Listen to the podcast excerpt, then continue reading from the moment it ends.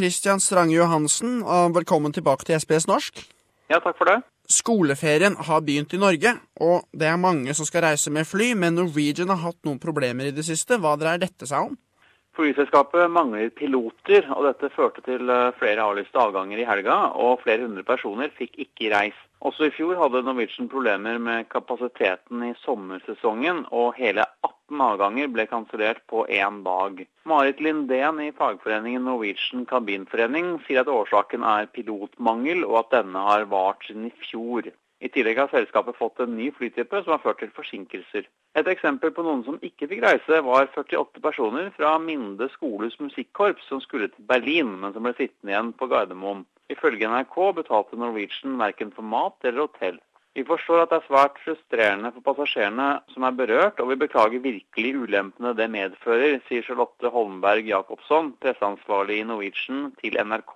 Folk NRK har snakket med, tror at flyselskapet kan miste tillit blant kundene. Eh, og 11.9 er det stortingsvalg i Norge, og vi har allerede begynt med litt valgstoff på SPS. Kan du fortelle litt om de nye partiene som har kommet til Norge de siste to årene?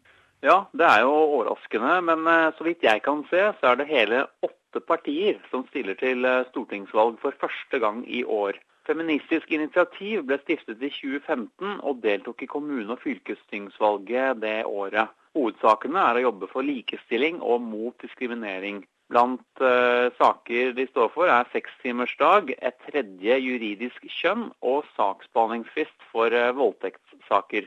Jeg vet ikke helt hva som skiller det nye partiet Liberalistene fra Det liberale folkepartiet, men eh, sistnevnte stiller, eh, stiller ikke til valg i år. Liberalistene vil at statens eneste oppgave skal være å beskytte retten til liv, frihet og eiendom. De vil gradvis bygge ned velferdsstaten, og vil på sikt ha et skattenivå på noen få prosent.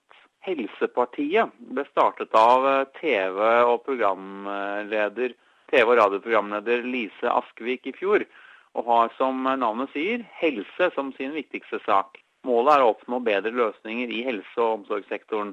Og blant sakene de vil jobbe med, er bl.a. å avvikle køene og å jobbe for ett felles regionalt forvaltningsnivå for helsetjenestene.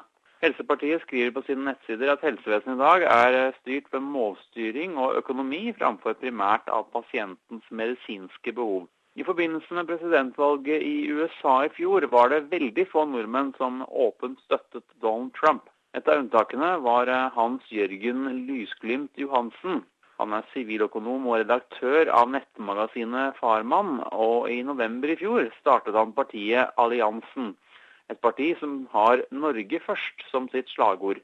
Den viktigste saken for partiet er å ha folkeavstemning om EØS-medlemskapet. Alliansen mener at eh, Norge må ut av EØS for å kutte internasjonale bånd som hindrer norske folk i å utøve selvråderett. Partiet mener ellers at valget ikke lenger er mellom høyre og venstre, men mellom globalisme og nasjonalisme, og nevner bl.a. at de vil ha full suverenitet på innvandring, jordbruk og pengepolitikk. Og er det noen av de nye partiene som bare stiller i ett fylke?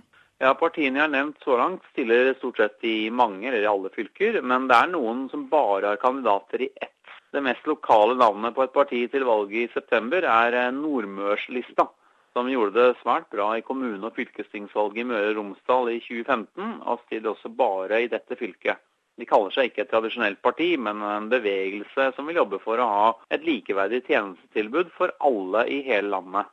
I Troms stiller partiet Nordting, som ser ut til å være en slags blanding av teater og protestbevegelse, og som ikke skriver stort på nettsidene sine. Norgespartiet stiller bare liste i Hedmark, og hovedsaken for dem er direkte demokrati med juridisk bindende folkeavstemninger. Disse står for en total omveltning av det politiske systemet ved å fjerne hele Stortinget og å la folket bli den lovgivende makt.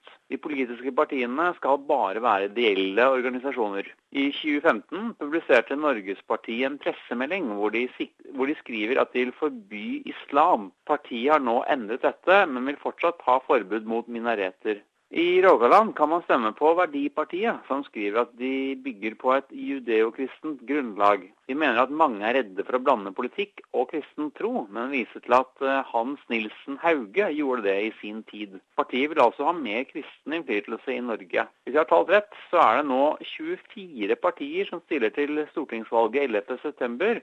og i dag er åtte av dem på Stortinget.